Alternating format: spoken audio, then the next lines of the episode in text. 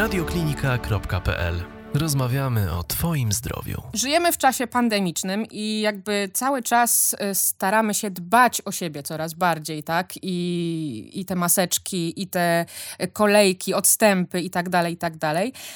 Trochę może zapominamy o ludziach, o których zapominamy też poza pandemią, tak naprawdę. Tak mi się wydaje. A jeżeli nie zapominamy, to dzisiaj mój gość e, wyprowadzi mnie z tego błędu, e, ponieważ chodzi mi tutaj e, o osoby niesłyszące bądź niedosłyszące, niewidome lub też upośledzone z jakichś powodów mniej lub bardziej umysłowo. Czy teraz w pandemii dbamy o nich bardziej? Czy poza pandemią w ogóle dbamy o nich? Czy oni potrzebują w ogóle tego, żeby o nich nadmiernie dbać. O tym porozmawiam sobie z panią e, Olą Shorts e, z Fundacji Kultury Bez Barier. Dzień dobry. Dzień dobry.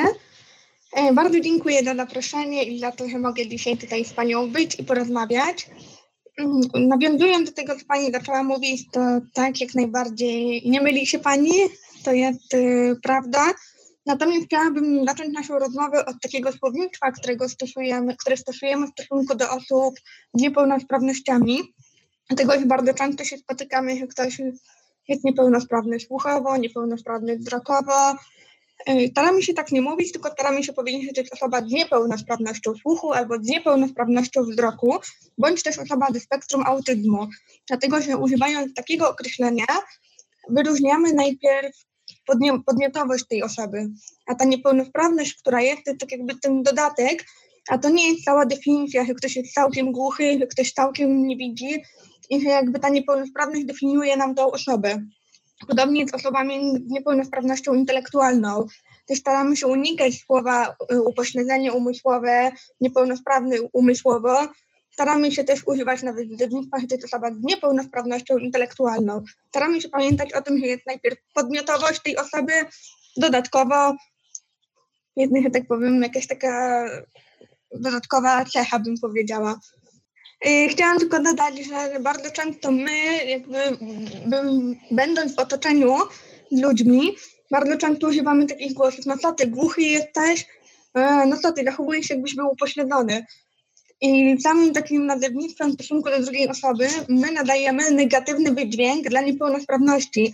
I to powoduje, później spotykając się z taką osobą albo mając kontakt, poruszając temat tej osoby, wykazujemy się pewną taką niewiedzą, dystansem i skojarzeniem, że ktoś, że ta osoba, która ma niepełnosprawność jest takiej gorszej kategorii.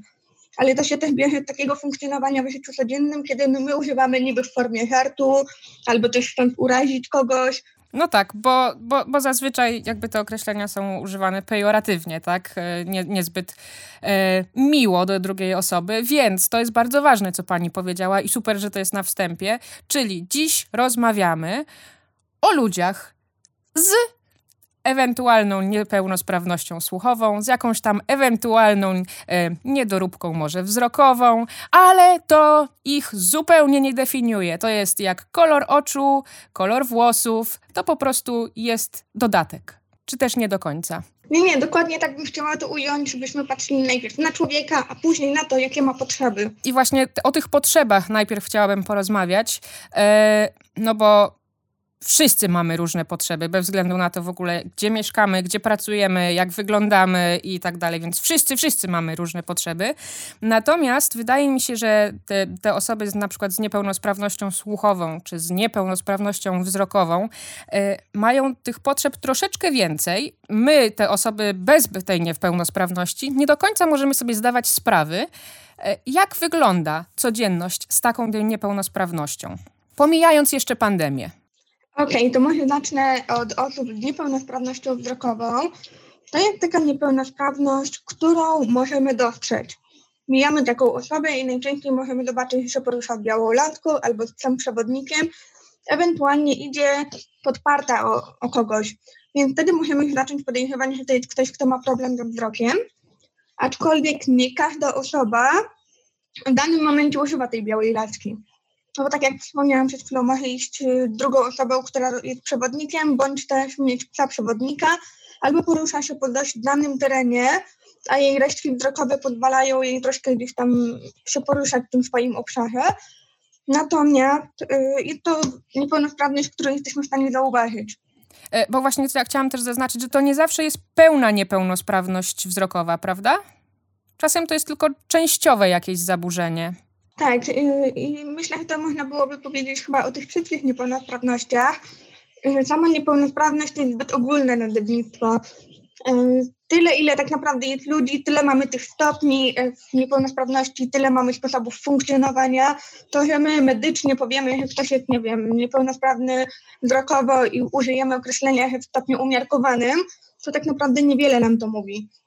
Bo to jest medyczna nazwa. My musimy popatrzeć na tego człowieka jak na człowieka i zobaczyć, jak on funkcjonuje, jakie ma możliwości, jak, jak został rehabilitowany, jak się porusza po tym świecie. To samo dotyczy właśnie osób niesłyszących i osób z niepełnosprawnością intelektualną. Jak, jak wygląda ta codzienność? Czy, yy, bo już wiemy, że nie zawsze jest potrzebny opiekun, prawda, bo często te osoby sobie radzą świetnie same, tak? Jak, jak te osoby z niepełnosprawnością y, wzrokową jesteśmy w stanie zauważyć na ulicy poprzez ewentualne atrybuty, a jak na przykład z niepełnosprawnością y, słuchową to się objawia?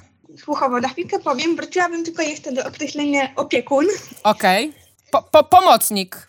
Asystent. Asystent. Asystent, bo to jest ktoś, kto wspiera, asystuje, mhm. a nie pomaga. Bo tu nie chodzi o takie pomaganie w kontekście wyręczania albo robienia czegoś za tą osobę, tylko asystujemy na zasadzie, że jesteśmy gotowi do pomocy w momencie, kiedy ta osoba potrzebuje.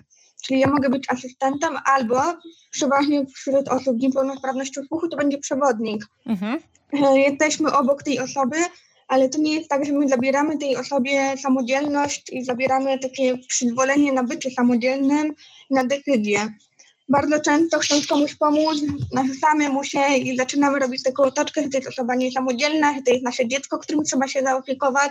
No niestety jeszcze spotykamy się z tym, że takie osoby wzbudzają w nas emocje, to takimi pokrzywdzonymi istotami na tym świecie, a to tak wcale nie działa. Myślę, że tak samo dokładnie reagują dzieci na y, rodziców nadopiekuńczych. Wiem, że to jest dalekie porównanie, natomiast chodzi mi, że y, chciałabym, żeby po prostu ludzie zrozumieli, prawda, że dlaczego może to denerwować. Więc jeżeli dziecko chce zrobić coś samo, tak, no to czasem dajmy mu tę możliwość. Wy, jak najbardziej, w sensie osoby z niepełnosprawnością jakąś, też chcecie działać samodzielnie, prawda? Więc nie, nie powinniśmy od razu do was podbiegać, na przykład widząc osobę mm, niewidomą z, z niepełnosprawnością wzrokową na ulicy, z białą laską, od razu łapać ją za rękę i, nie wiem, na siłę przeprowadzać przez ulicę, tak? Dokładnie tak, dokładnie tak. E, chodzi o to, żeby wtedy podejść do takiej osoby i zapytać, czy pan, pani potrzebuje pomocy. Jeżeli pani, pani potrzebuje, w jaki sposób mogę pomóc? Bo bardzo często się ludziom wydaje, że skoro ktoś stoi na przejściu, to znaczy, że chce przejść przez ulicę. W tym momencie chwytamy na rękę i prowadzimy. A tym samym możemy zrobić jeszcze paradoksalnie większą krzywdę, bo się okazuje, że ta osoba po prostu na kogoś czekała albo chciała pójść w drugą stronę a miejsce, w które ją przeprowadziliśmy, okazuje się, że ona tego miejsca totalnie nie zna i już nie ma problem, żeby wrócić tam, gdzie była. Więc w przypadku osoby z niepełnosprawnością wzroku pytajmy zawsze. Znaczy w ogóle jakąkolwiek niepełnosprawnością, zapytajmy, czy ktoś potrzebuje pomocy i jakiej tej pomocy potrzebuje. Jeżeli mówimy teraz też jeszcze o właśnie niepełnosprawności słuchu, no to jest dość specyficzna niepełnosprawność, dlatego że dopóki nie zobaczymy aparatów słuchowych, implantu ślimakowego bądź migających rąk, to też możemy w ogóle się nie zorientować, że ktoś nie słyszy. A, migające ręce, czyli język migowy chodzi. Nie o żadne świecące znaczki, nie, tylko o język migowy.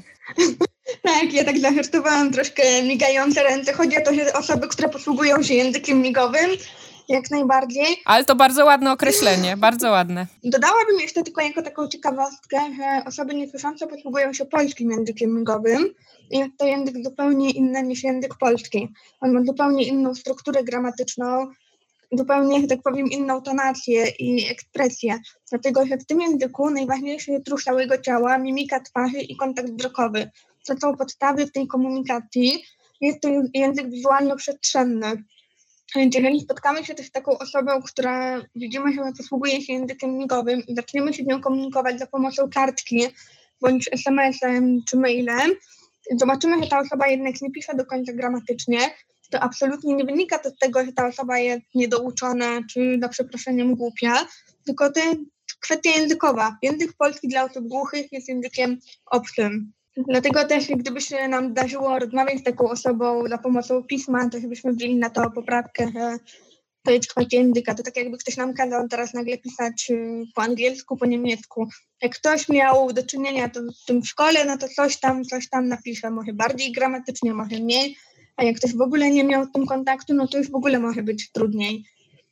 E, drugą też ważną rzeczą, nawet jeżeli spotkamy taką osobę, to warto utrzymywać z nią kontakt wzrokowy, dlatego że większość, ale nie wszyscy, większość osób z niepełnosprawnością słuchu wspomaga się odczytywaniem mowy z ust.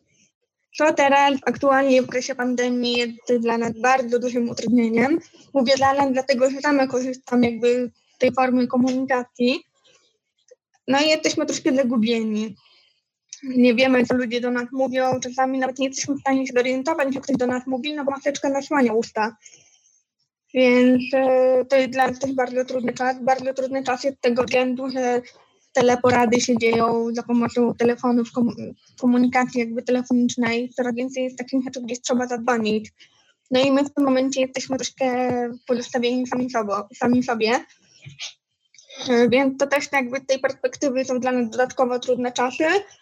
No pocieszające jest to, że w skali tego, co było jeszcze kilka lat temu, no to nie było nic. Teraz widzimy, że coraz więcej pojawia się takich y, udogodnień internetowych, online'owych, więc to jest taka namiastka pocieszająca.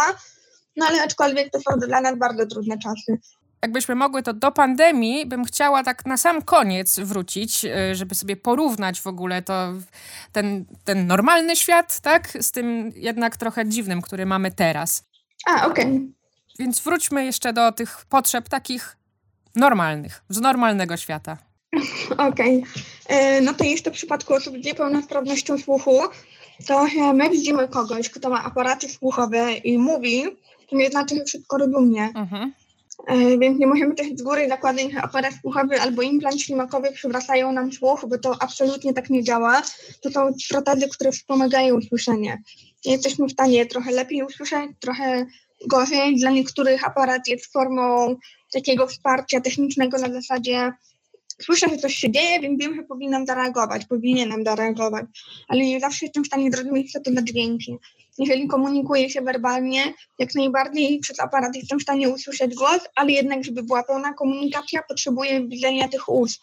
No tak, no bo ten, ten, stopień, ten stopień niepełnosprawności, jak już wspominałyśmy, jest różny dla różnych osób, bo to jest, no, no tak jak my wszyscy w ogóle jesteśmy różni, mamy różne cechy, e, tak i ta niepełnosprawność jest bardzo różna, więc e, nie możemy wszystkich wrzucać do jednego worka. I to generalnie mówię, w ogóle. Dokładnie tak. To dotyczy tak naprawdę każdego człowieka, z którym się spotykamy. I myślę, że tak paradoksalnie my uczulamy na to i mówimy, że ważny jest dla nas kontakt wzrokowy, ale jakby patrzeć, to osoby nawet jak między sobą rozmawiają, to oznaką takiego aktywnego słuchania też patrzenie na naszego rozmówcę.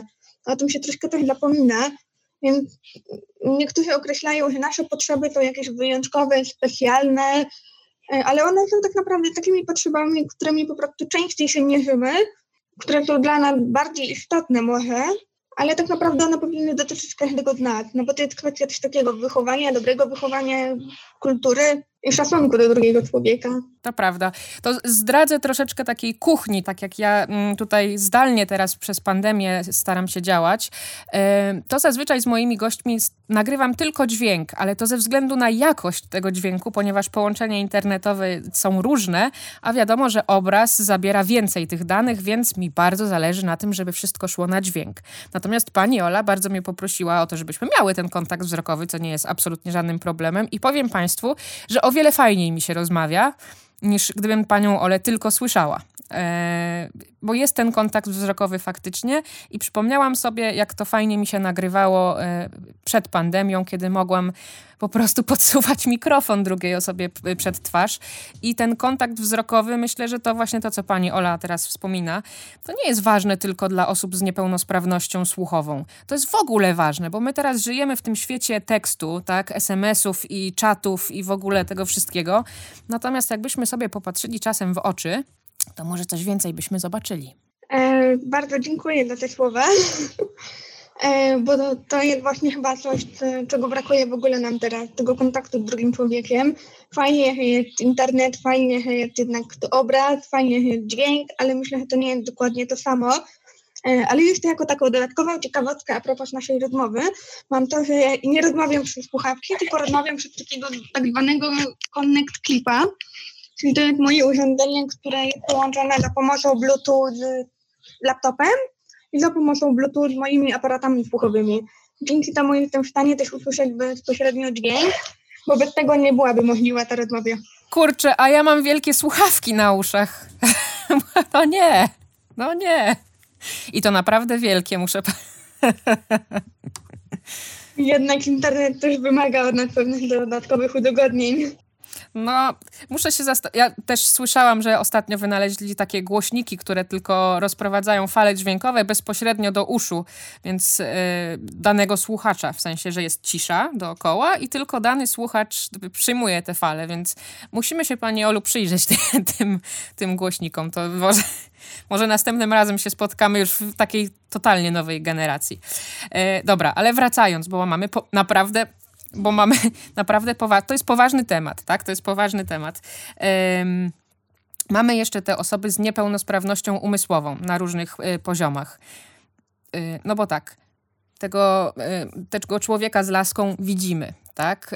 Y, tę osobę z migającymi rękoma, co mi się bardzo spodobało, y, bądź też z aparatem, jeszcze jesteśmy w stanie też jakoś rozpoznać. A czy taka osoba z niepełnosprawnością umysłową czy ją jakoś za, zauważamy, czy po prostu jest dla nas w ogóle niewidzialna i przez to na przykład też możemy jej zrobić większą krzywdę? E, wróciłabym znowu do nazewnictwa, żeby jednak bardziej określić osobę z niepełnosprawnością intelektualną. E, niepełnosprawność umysłowa była, była jakby nazywana faktycznie, ale teraz to jest bardziej przy, przyjęte, żeby to było tak najbardziej neutralnie, nie krzywdzące. Sorry, dobra.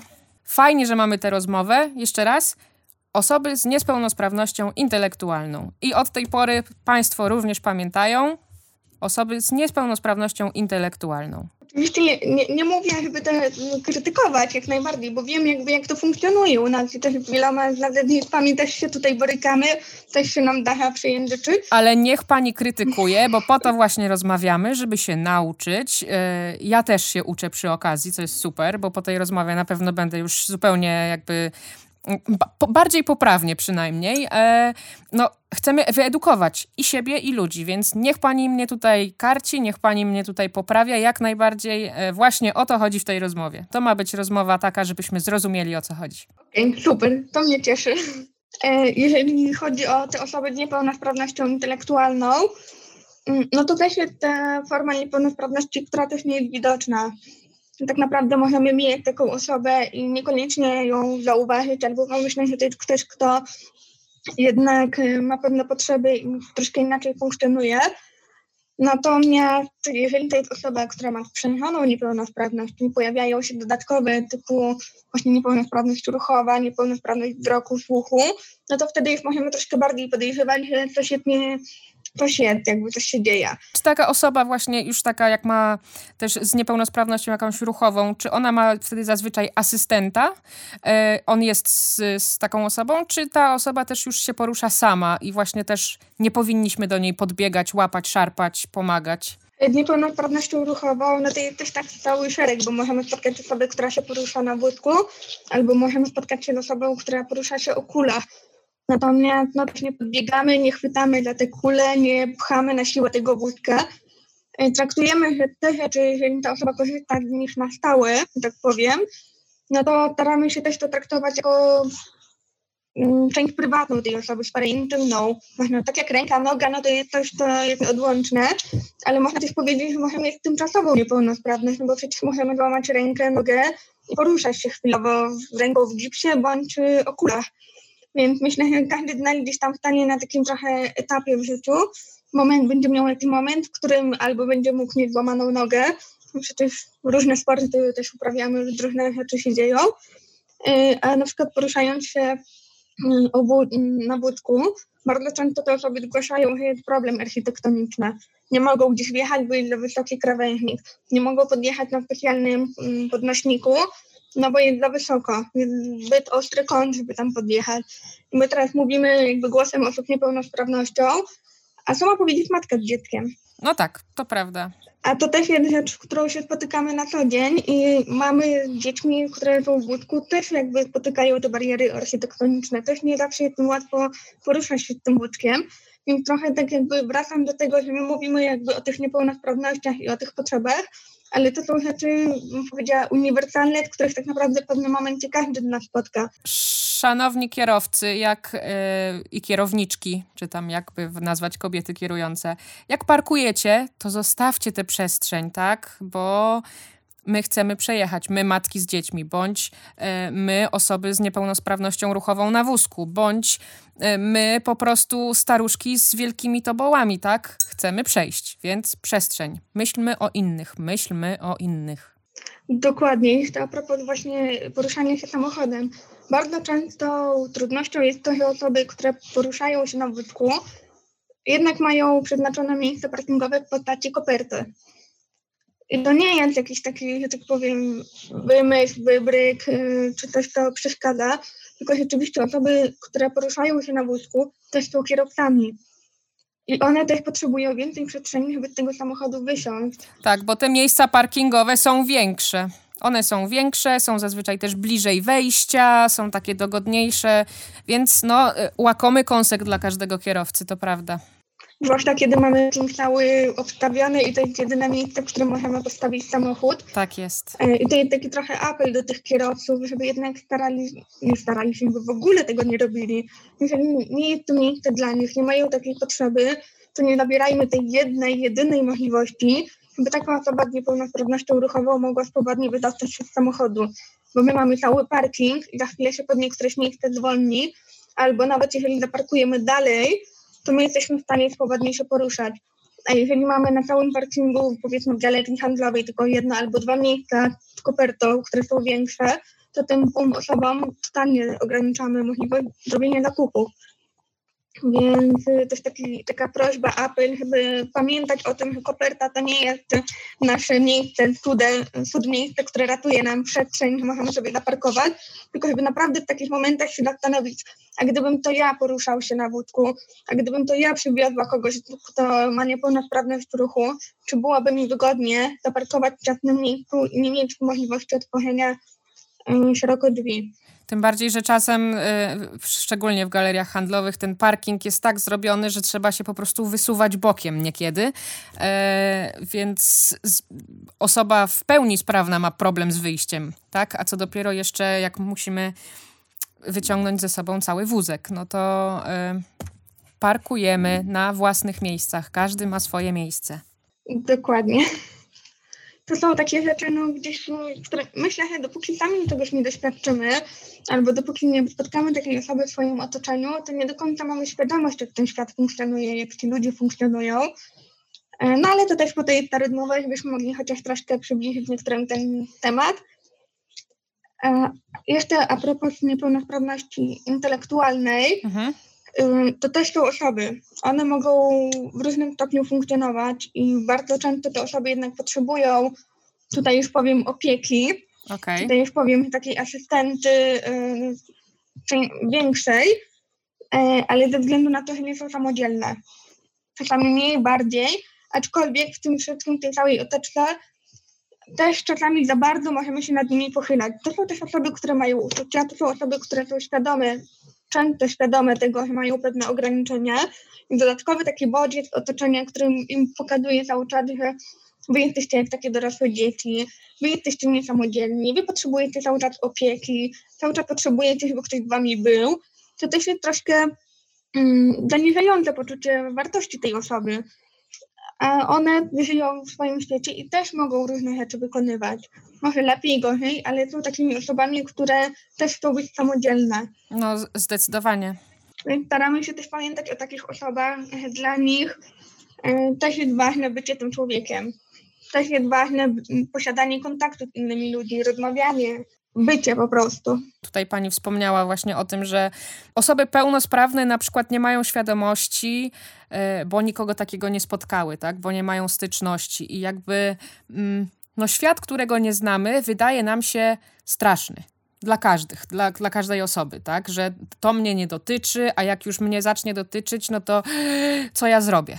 Jestem cała przerażona. No bo jakby tak z drugiej strony patrząc, te osoby w pełni sprawne, może dla niektórych też to nie jest właśnie proste, bo nie są wyedukowane, bo nie wiedzą, jak sobie poradzić, bo na przykład chciałyby pomóc, ale boją się, że mogą na przykład zrobić większą krzywdę, albo właśnie boją się, że to będzie wyglądało, że robią to z litości. Jakby jak znaleźć taki złoty środek, tak, żeby jak już zacznie mnie to do, dotyczyć, albo zobaczę tę osobę na, mm, z niepełnosprawnością któregoś typu na ulicy, jak się tak przemóc, jak, jak, jak, jak sprawić, albo z drugiej strony, od waszej strony, przez co wy się czujecie czasem na przykład wykluczeni z zachowania takich, wie pani, chodzi mi o to, żeby znaleźć jakąś taką fajną nić porozumienia, żeby osoby z niepełnosprawnością nie musiały czuć się wykluczone, czyli żeby osoby pełnosprawne mogły zrozumieć, tak? Nawet jeśli ich to nie dotyczy. Myślę, że to jest chyba tak, y, jakbyśmy podeszli do każdego innego człowieka. Jeżeli byśmy spotkali osobę na przystanku, która na przykład sprawdza gdzieś tam nerwowo troszkę, którym autobusem gdzie dojechać, to pewnie byśmy nie mieli takiego oporu, żeby spytać, o przepraszam, gdzie pani chce dojechać? Podpowiem pani, którym tramwajem, autobusem możemy tam się poruszać i nikt by tego negatywnie nie odebrał. Podobnie z osobami z niepełnosprawnością. Jeżeli my zobaczymy, czują się zagubione, że na przykład osoba niewidoma, że tak powiem, chodzi w kółko i szuka jakiejś przestrzeni, albo widać, to się widzi po prostu, widzi, widać, że gdzieś jest zagubiona, nie wie gdzie jest, podejdźmy i zapytajmy, przepraszam, czy wszystko w porządku, albo przepraszam, czy potrzebuje pan, pani pomocy, jak mogę pomóc. Jeżeli jest osoba, która nie słyszy, to tak naprawdę podobnie robimy, czy osoba z niepełnosprawnością ruchową, y, czy niepełnosprawnością intelektualną. Podchodzimy i po prostu oceniając sytuację, widząc co się dzieje, starajmy się do tego odnieść jak do człowieka. Jeżeli na przykład widzimy, że, nie wiem, osoba z niepełnosprawnością słuchu ma problem, żeby się z kimś porozumieć, komunikować, to myślę, że to też nie będzie obradą, jeżeli wyciągniemy kartkę albo na telefonie po prostu napiszemy. Mhm. No bo to jest coś naturalnego, okej, okay, nie, może nie jesteśmy w stanie się dogadać werbalnie, no bo ktoś na przykład posługuje się polskim językiem migowym, no to pisanie na telefonie nie będzie obrazą, a dla osoby, która nie słyszy, będzie takim sygnałem, o, ktoś jest na mnie otwarty, mogę z kimś porozmawiać, super. Ja też się otworzę. A czy to nie będzie tak, tak jak czasem możemy sobie pomyśleć, że o, ktoś mi pomaga z litości i że na przykład, że robimy y, krzywdę takiej osobie wtedy. Chodzi mi o takie, no różnie ludzie reagują, prawda? Mm, ludzie różnie reagują i myślę, że to od nas samych zależy, z jakimi intencjami wyjdziemy do takiej osoby. Osoby z niepełnosprawnością wyczuwają, kiedy kto w jakich y, intencjach wykonuje do nich ruch, więc myślę, że to będzie takie tak naturalne że jeżeli to faktycznie będzie szczera chęć pomocy, to będziemy wiedzieli, że to jest szczera chęć pomocy. Jeżeli zobaczymy, że ktoś robi to z przymusu, to też się da wyczuć. Bo to jest trochę inny charakter pomagania, już po prostu inna rozmowa jest. To chyba trzeba poczuć. Nie umiem nawet jakby tego tak wyjaśnić, ale po prostu to czujemy. Nawet jeżeli, nie wiem, z mojej perspektywy idę do jakiejś e, osoby, powiedzmy w urzędzie i proszę, żeby ktoś mi coś powtórzył, bo nie jestem w stanie zrozumieć, no to ja widzę, czy ta osoba się uśmiechnie i spokojnie powtórzy, czy ta osoba przewróci oczami i nie powtórzy. A to akurat dotyczy nas wszystkich. To akurat dotyczy nas wszystkich, bo panie w urzędach czy w sklepach mają różne humory, prawda? Więc e, raz przewrócą oczami, raz nie. I też nas to denerwuje, że jak to przecież powinna mi pomóc, a ona tutaj, o mój Boże, znowu muszę powtarzać i mam kolejnego petenta i tak dalej. Dokładnie. Czyli po prostu takie najzwyklejsze zrozumienie i ludzkie podejście, tak? E, tak, i myślę, że tak naprawdę to jest chyba trochę kwestia tego, że środowisko jakby osób pełnosprawnych obawia się, ma dystans, bo nie wie. Z kolei druga strona, my jako osoby z niepełnosprawnością też nie zawsze mamy tą przestrzeń, żeby powiedzieć. Mhm my też mamy pewne swoje doświadczenia. Jakby jeżeli ktoś nam, że tak powiem, pięć razy, pięć razy nas odrzucił, to za szóstym razem już nie chcemy tłumaczyć, nie chcemy się ujawniać. Więc jakby to jest takie obopólne. A jeszcze chciałam Pani Olu wrócić do, do tej kwestii wykluczenia, tak? E, no bo bardzo często jest tak, że jednak te osoby z niepełnosprawnością czują się wykluczone. I chciałam się zapytać, co na to wpływa? Bo też pewnie po prostu nie jesteśmy tego bardzo często świadomi. E, no, wykluczenie to jest, myślę, bariera językowa, komunikacyjna, jeżeli chodzi na przykład o osoby z niepełnosprawnością słuchu, które posługują się językiem migowym. Jeżeli powiemy o takich osobach z niepełnosprawnością intelektualną, które wspomagają się czasami właśnie albo migowym, albo alternatywnymi sposobami komunikowania się, często jest też tak, że ludzie mówią do nas jak do małego dziecka. I to też powoduje, że w pewnym momencie czujemy się wykluczeni z tego środowiska, że wszyscy jesteśmy równi. Często też barierą są bariery architektoniczne, bo my jesteśmy samodzielni, my jesteśmy w stanie się skomunikować, porozmawiać, ale jednak pewne bariery, bo za wysokie progi dla kogoś, kto się porusza na wózku albo progi, które się, są na wysokości powiedzmy naszego czoła i osoba, która nie widzi, korzysta z laczki, jakby za pomocą laczki będzie w stanie oszacować, co się dzieje na podłodze, że tak powiem, ale już nie jest w stanie wychwycić, że nagle pojawia się korzeń od drzewa, no i niestety grozi to uderzeniem. E, albo ścieżki, które są tworzone na przykład dla osób właśnie z niepełnosprawnością wzroku. E, jest ścieżka, jest ścieżka, nagle ścieżka się kończy i nagle drzewo jest. To jakby jaka tu jest logika prowadzenia tego, więc czasami się spotykamy z takimi absurdami, i teraz pytanie właśnie, czy to wynika z tej niewiedzy, którą ludzie przy organizacji przestrzeni gdzieś tam się kierowali, czy jakaś niechęć, nie wiadomo co jakby na tym stoi. To są takie bariery dwie najważniejsze.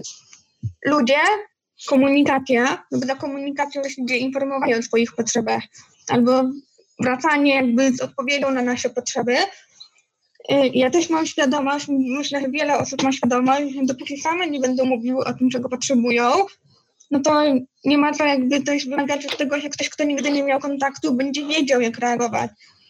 Więc myślę, że to jest też taka informacja dla obu środowisk, że nie bójmy się mówić o tym, że nie wiemy nie bójmy się mówić o tym, co potrzebujemy. Tylko w ten sposób dotrzemy do siebie nawzajem. Mm, czyli może w ogóle taka przestrzeń do dialogu. Czy tego jest dużo, takiej tak z, z, punktu widzenia fundacji? Czy dużo jest takich miejsc, gdzie właśnie możemy się integrować, gdzie możemy y, przebywać ze sobą, nauczyć się siebie nawzajem, tych swoich potrzeb, gdzie możemy się skomunikować a propos tych potrzeb i, i, i wymagań? My działamy głównie w obszarze kultury, więc jakby poruszając się w tym obszarze i budując tę społeczność, która przychodzi do nas na pokazy filmowe, na spektakle teatralne, widzimy, że to jest jak najbardziej możliwe. Na przykład bardzo w porównaniu z tym, co się działo na początku, że jakby czasami można było odczuć wrażenie, że to jest pokaz dedykowany osobom z niepełnosprawnościami, ponieważ pojawiają się napisy, pojawia się audiodeskrypcja, i ludzie też nie wiedzieli, co to jest. W związku z tym, jak widzieli hasła, które niekoniecznie są może dla nich dedykowane, też nie wiedzieli, jak do tego podejść. Teraz natomiast, jakby wyłączając pandemię, tak. ale bardzo nas cieszyło to, że na naszych pokazach pojawiali się wszyscy. Mhm. I to też była super przestrzeń do tego, że ludzie nas pełnosprawnie pytali, co to za słuchawki, a czy ja mogę spróbować tych słuchawek? Nawet jeżeli jestem pełnosprawny, posłucham audiodeskrypcji, mhm. ale to panie migają o w jakim języku. I to też było takie super, super pole do tego, żeby o tym porozmawiać, żeby uświadomić. I mam poczucie, że nawet jak widzieliśmy właśnie tą grupę osób na spektaklach, czy gdzieś na wydarzeniach, które były udogodnieniami, to jedna grupa drugiej nie przeszkadzała, a mogły się nawzajem troszkę nauczyć od siebie tego, jak funkcjonują, co im pomaga i jak to działa. Więc myślę, że tutaj. Mm, Poznać się po prostu. Tak że to jest jakby naturalna przestrzeń, w której jesteśmy w stanie poznać drugą osobę. Nie potrzebujemy jakichś specjalnych tutaj informacji, instrukcji, tylko to wychodzi tak naturalnie, mhm. a przecież myślę, że jak jest, jest, to naturalne, no to chyba gdzieś naturalnie to nagle stanie i pójdzie dalej. No właśnie, i czy, czy takich miejsc jest dużo, czy zdecydowanie za mało takich akcji, miejsc, yy, nie wiem, webinarów w internecie, albo właśnie przestrzeni w, w parku na przykład, czy dawki wydarzeń kulturalnych. Czy tego wciąż jest za mało? Y, patrząc na skalę tego wszystkiego, co się dzieje, to jest za mało. Mhm. Natomiast patrząc jakby 5 lat do tyłu, to jest wow. To jest wow. Mhm bym powiedziała. Jakby mówię to też jakby własnej, e, własnego doświadczenia i doświadczenia moich bliskich, którzy gdzieś tam mają pewne niepełnosprawności. Jeżeli wracamy do tego, co było kiedyś, że nie było napisów w telewizji, nie było tłumaczy, czy nie było chociażby iPhone'ów, które mają funkcję, że tak powiem, gadaczki, mhm.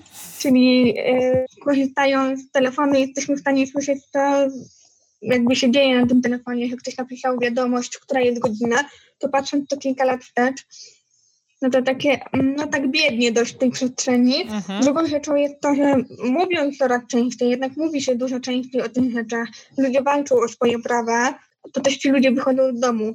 Bo myślę, że każdy z nas wie, że ileś lat temu to tak naprawdę te osoby były totalnie wykluczone, uznawane na taki margines społeczny. Nie było też dostępu do edukacji mhm. i jakby jak edukować te osoby, ale też w drugą stronę, jak te osoby mogą się uczyć jak one mogą sięgać po tą wiedzę, więc jakby patrząc na ten postęp, myślę, że można by się cieszyć, natomiast przed nami jest to bardzo, bardzo długa droga, bo my już pewne rzeczy wiemy, już pewne rzeczy wiemy, które jakby co pomaga, teraz musimy wdrożyć, żeby faktycznie to działało. Ale idziemy w dobrym kierunku. Tak, i tego bym chciała się trzymać. To super, to super, że idziemy w dobrym kierunku. To jeszcze tak właśnie a propos tej całej edukacji. Yy czy jest dużo takich miejsc, gdzie na przykład można się nauczyć migania albo alfabetu Braille'a dla osób, y, które niedowidzą? Y, czy pełnosprawne osoby też mogą y, przyjść i nauczyć się, żeby móc się na przykład porozumiewać z takimi osobami z niepełnosprawnościami?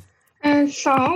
Są kursy języka migowego. Jeżeli ktoś ze słuchaczy by chciał pójść, to jak najbardziej zachęcam. I przede wszystkim zachęcam, żeby się uczyć u głuchego lektora czyli u osoby, dla której właśnie język mhm. migowy jest tym pierwszym językiem migowym. Ważne, żeby to był polski język migowy. Modnym słowem powiem, do native'a, tak? Tak. I żeby to był ten pierwszy język, tak? To wtedy się najlepiej nauczymy. E, tak, tym bardziej, że jakby system językowo-migowy funkcjonuje gdzieś, ale to nie jest ten naturalny język osób, które nie słyszą i posługują się na co dzień językiem migowym. No i myślę, że nie ma lepszego nauczyciela niż taki, który na co dzień się sam posługuje takim językiem. To tak jakbyśmy chcieli teraz pójść na kurs hiszpańskiego, włoskiego, to też najczęściej wybieramy już teraz... Native'a. Dokładnie. Czy długo trzeba się uczyć takiego języka migowego, żeby jakkolwiek się dogadać?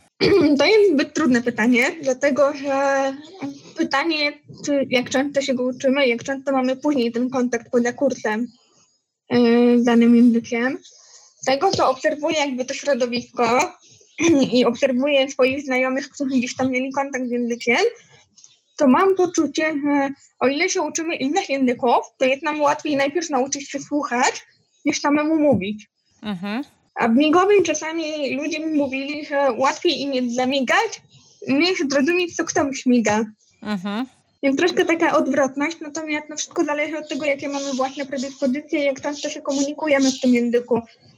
Bo myślę, że jeżeli będziemy go używać na co dzień i będziemy na co dzień rozmawiać z osobami głuchymi, no to myślę, że jesteśmy w stanie szybciej to opanować. A jeżeli my pójdziemy na kurs, a później będzie rok przerwy, no to tak różnie z tym bywa. To chyba jak z każdym językiem. Myślę, że tak. Myślę, że tak. Że to jest kwestia, no to jest tak jak każdy inny język, tyle że jednak używamy rąk do tego, żeby się komunikować i mimiki i, i ruchy całego ciała, gdzie normalnie w innych językach używamy, tak powiem, języka werbalnego, więc to troszkę taka różnica. E, są też, e, znaczy osoby niewidome najczęściej uczą się alfabetu Braille'a w szkołach dla osób słabowidzących niewidzących. E, I są też fundacje, które jednak się zajmują też kursami i uczeniem takich kursów. Są fundacje, które też tak a propos tego zajmują się edukacją i uczeniem osób niewidomych poruszania się po przestrzeni. Więc takie rzeczy też się dzieją, więc to funkcjonuje. Nie jest źle. Dobrze. To, to, to, to bardzo fajnie. A pani, a pani Olu, skoro, skoro się widzimy, to czy mogłaby mnie pani na przykład nauczyć zamigać chociażby dzień dobry? Bierzemy dwie dłonie. Mhm. E, kładziemy je poziomo tak, żeby jedna była, dotykała się drugiej, tak? I do góry, to jest dzień. Można powiedzieć trochę od takiego słońca, tak. które wstaje dzień. I dobre tak. to jest, jak robimy takie kółeczko, to jest też literka takie, O okay. I od wysokości, że tak powiem, policzka do przodu. Dobry. My, my się widzimy, ale Państwo nas tylko słyszą, to ja też jeszcze po, po, postaram się może tak e, obrazowo. E, tak jak Pani Paola powiedziała, dwie dłonie razem, to jest tak, taką kurtynkę może przed sobą robimy. E, dłońmi do siebie, tak żeby spód dłoni był do nas, a mm, zewnętrzna strona na zewnątrz. I no i robimy takie od 90 stopni o jedną i drugą ręką do góry, taki wschód słońca, takie ta da da da wstało słońce. E, no i później taki mamy znaczek, jak pokazujemy na filmach czy coś jest OK. Takie o, tak, taki, taki ta pętelka z króliczkiem z reszty palców. E, przykładamy tutaj przy, przy brodzie, tak, i przesuwamy to do przodu od twarzy. Super. Dziękuję. No i nie było takie trudne. E, nie, i może w, a może w artykule moja koleżanka, jak spisze artykuł z naszej rozmowy, to może udaje się znaleźć jakiś na przykład filmik do tego albo jakąś ilustrację, żeby nasi słuchacze mogli sobie przeczytać i też spojrzeć na obrazek e, i będziemy umieć e, mówić po migowemu dzień dobry. Te migające rączki, to, to mi się bardzo podoba. E, dobrze, to jeszcze pani Olu, mm, bo wspominała pani o tych maseczkach, że to jest na przykład bariera teraz w tej pandemii. Przejdźmy jeszcze tak szybko do tej pandemii. E, jakie dodatkowe tutaj bariery nam wchodzą e, dla was? Bo pandemia jest jeszcze większym wyzwaniem, prawda? Nie ma jakichś dodatkowych, nie wiem, e, nie macie dodatkowych godzin e, na sklepy jak emeryci, e, nic z tych rzeczy, prawda? E, nie, natomiast jeżeli chodzi o osoby z niepełnosprawnością intelektualną, jeżeli mają niepełnosprawność w stopniu umiarkowanym, chyba znacznym i głębokim, bądź są całościowe zaburzenia rozwoju, takie osoby mogą być zwolnione z noszenia maseczki pod warunkiem, że mają specjalne oświadczenie. E, nie chciałabym też tutaj oszukać ani skłamać, bo już trochę sama się zgubiłam.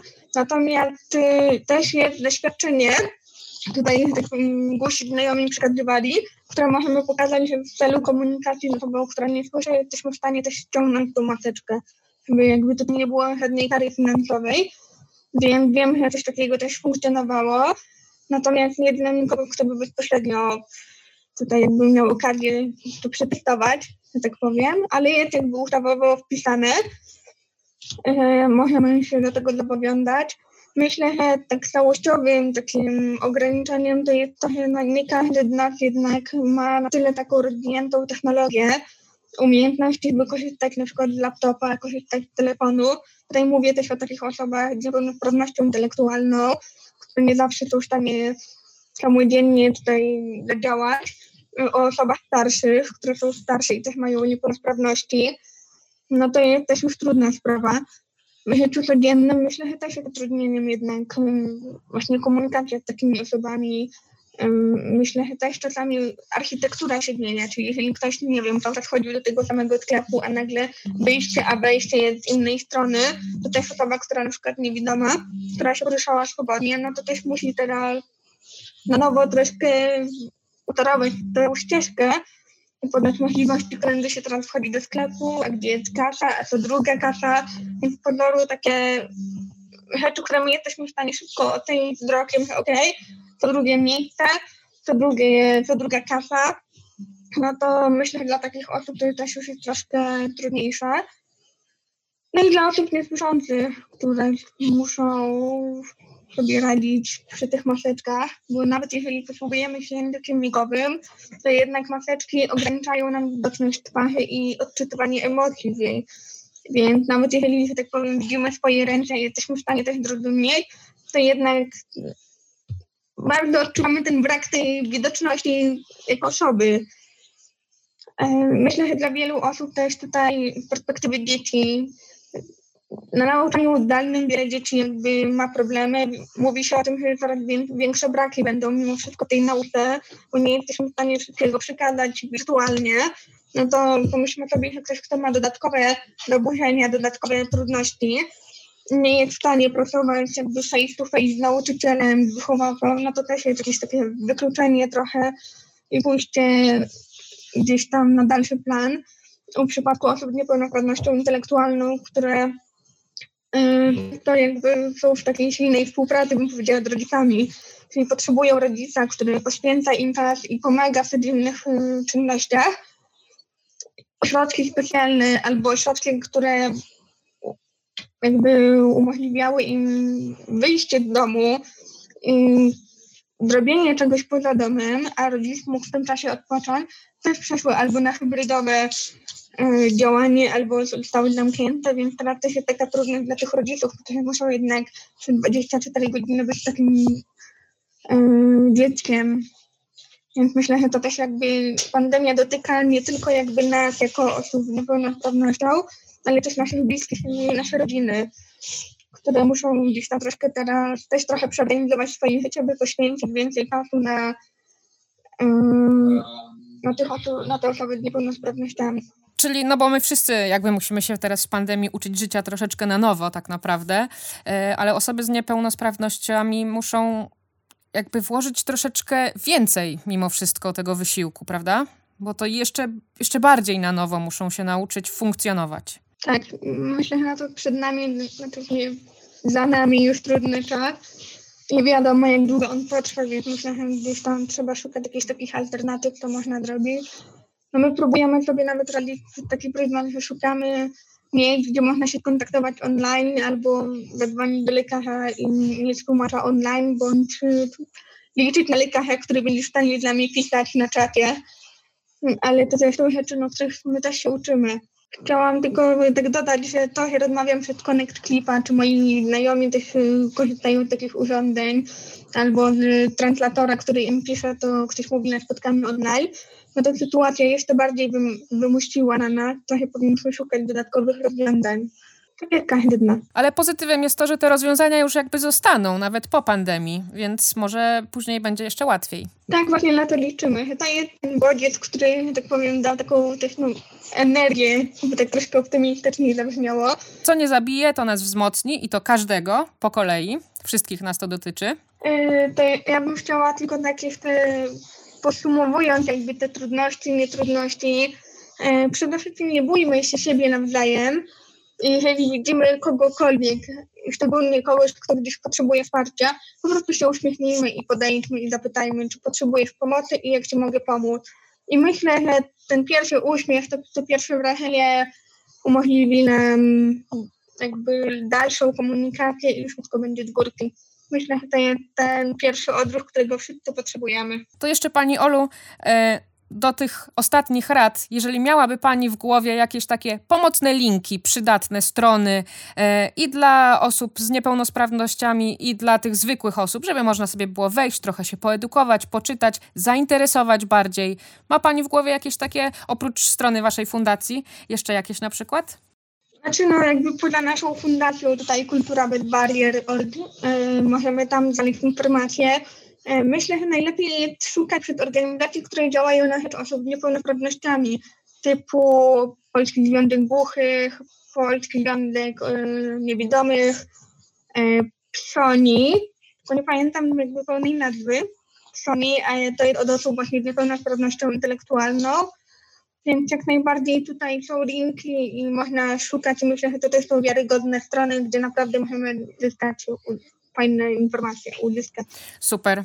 E, czyli tak, jesteśmy ze sobą, patrzymy na siebie, rozmawiamy ze sobą, e, otwieramy się na drugiego człowieka bez względu na to, czy ma on jakąkolwiek niepełnosprawność, czy też nie, czy jest to staruszka, e, czy jest to matka z dzieckiem.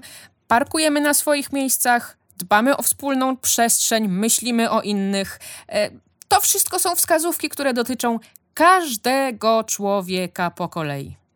Ja już w takim razie nic nie dodam, całkowicie się pod tym podpisuję. To ja w takim razie bardzo podziękuję za przemiłą rozmowę. E, naszym gościem była pani Ola Shorts e, z Fundacji Kultury Bez Barier. Dziękuję serdecznie, życzę miłego dnia.